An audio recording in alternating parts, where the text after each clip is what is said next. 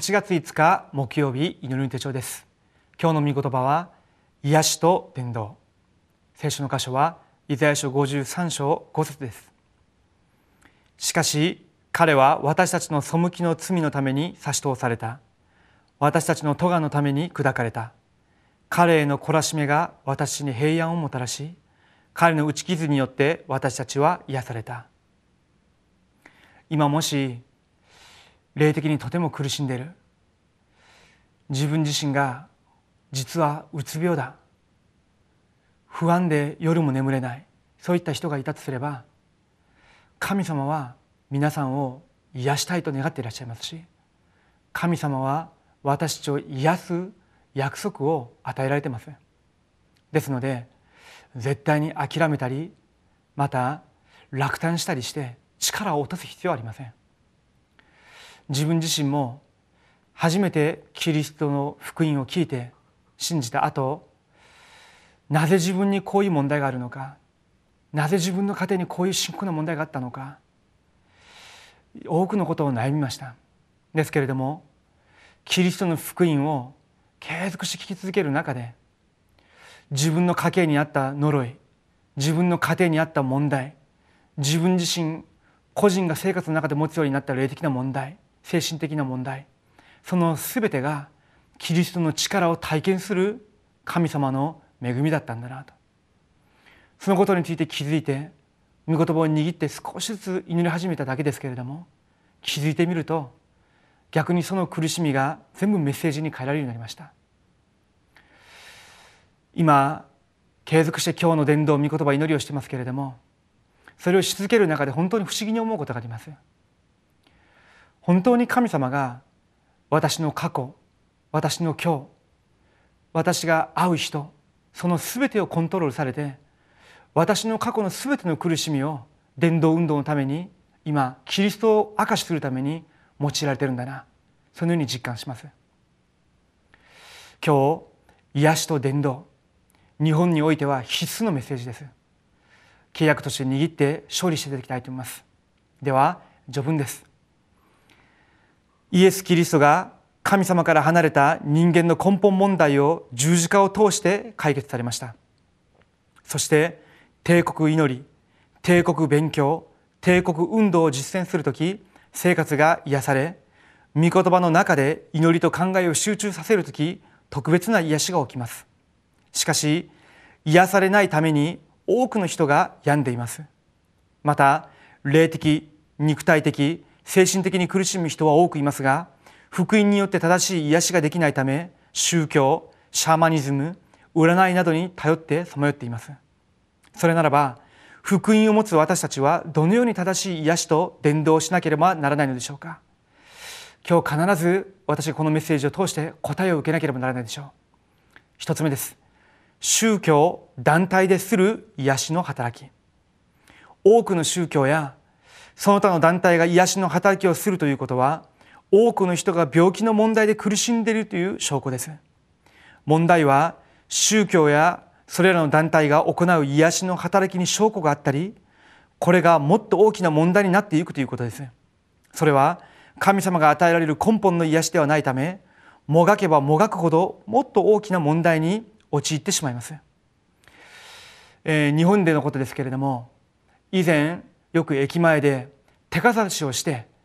えー、あなたの持ってるその心の問題あるいはその心をそういった浄化してあげますと言って祈るそういった人たちがいました、えー、崇高真光だったりまたその他そこから分裂したいろいろな教団がありますけれども手かざしをすることによってその人の魂またその人の心の状態を浄化して肉体の病気も治すとそういうふうに言います。その宗教の本部に行ったことがあります富士山の麓にありますけれどもそこに行った時に正直私がびっくりしました。なぜかというとそこで奉仕をしている人たちがほとんど高校生大学生です。なぜこういう、え、高校生や大学生たちが宗教の本部にまで来て奉仕しているのかそういうふうに思いました。えー、一人一人会って話ししながら福音伝えようとしてみると一人一人何を持ってるかというと証拠を持ってるんですね。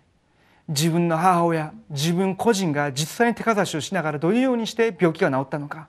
そういったことを自信満々に話をします。それを見ながらああ日本で本当に福音を持った正しい癒しがなされてないので多くの病を持っている人たち精神的に苦しんでいる人たちがこのようにして宗教に溺れていくんだなと思いました。ですけれども教会は力がありません。私が持っている福音というのは人間の全ての問題に回答を与えることができるし実際にその福音御言葉がその人の中に入るんであれば精霊の働きによって癒しの働きも起きます。今日私たちがこの福音の力に対する信仰をもう一度回復しながら自分自身の癒し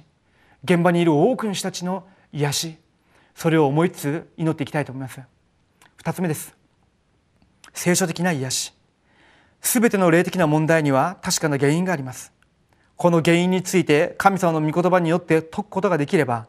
素晴らしい癒しの働きが起きます。そして福音を正しく理解するとき偶像に陥っている思想と考えが癒され始めます。これとともに正しく医学的な助けを受けなければなりません。福音の中で精霊の満たしの意味を正しく理解し御言葉の力を体験できれば誠の癒しを体験するようになります。これが誠の聖書的な癒しです。では3つ目です。伝道は正しい癒しの働き。キリストは約束された通り私たちを救うためにこの地に来られました。救いの中にいる私たちに向けた完全な回復と癒しのために来られました。これが明かしされることを伝道だと言います。そのため正しく福音が述べ伝えられる伝道を通して正しい癒しが起きます。福音の中で御言葉を握り祈りの中で誠の幸せを見つけもっと大きな答えと祝福を受けると正しく癒されます。昨日私がマタイの福音書8章9章を読んでました。その聖書の歌詞を読んでる中で私が多くのことを考えました。イエス様の一日のスケジュールを通しながらイエス様が福音を伝えながら病んでいる者を癒して悪霊を追い出しているその姿を見るようになりました。マタイ9章の場合には一日の間に病んでいる者を癒して長地の女を癒して死んだ者を生かして悪霊に疲れている者を追い出して盲人を癒して一日の間にそういった働きを継続して行っていらっしゃいます。そうしながらその癒しの証拠が現れた後聖書にこのように記録されています。その後そのことが地方全体に広まった。その地域全体にこのことが知らされた。そういった御言葉が多々あります。もし日本の現場で正式な癒しの働きが地域地域ごとに起きたとしたらどうなるでしょうか。間違いなく大きな伝道の門が開かれるでしょう。私にあった問題もと私の周りにいる伝道対象者のその問題もキリストは癒すことができるしとそのことを通しながら神様は地域福音化の大きな門を開かれます。この契約を握ってお祈りしていきたいと思います。では今日のフォーラムの主題です。多くの人が癒しを特別なものだと考え誤った癒しをしています。誠の癒しはキリストに出会うことです。今日キリストに出会う祝福を見つけて味わい他の人にキリストを紹介する計画を立てましょう。お祈りします。生きておられる神様に感謝を下げます。キリストが私のために十字架につけられたことが私のすべての苦しみと呪い病を身に背負ってくださるためであり復活され今も生きていらっしゃることが精霊によって私と共におられ私のすべての問題を解決し癒されるという証拠であることを感謝します。聖書に記されている癒しの約束を握って祈るこの時間にも日本の現場でこれから証人立つその絵を描きながら精霊の働きに預からせてくださり私の周りにいる多くの病んでいる人々に対してキリストの力を明かしする証拠となるようにしてくださりもし私自身にある肉体的な病が癒されなかったとしてもキリストの救いの恵みゆえにそれを全部乗り越えることができるぐらいに神様が今日精霊の感動精霊の喜び精霊の力で満たしてください生きておられるイエス・キリストの皆によってお祈りします。アーメン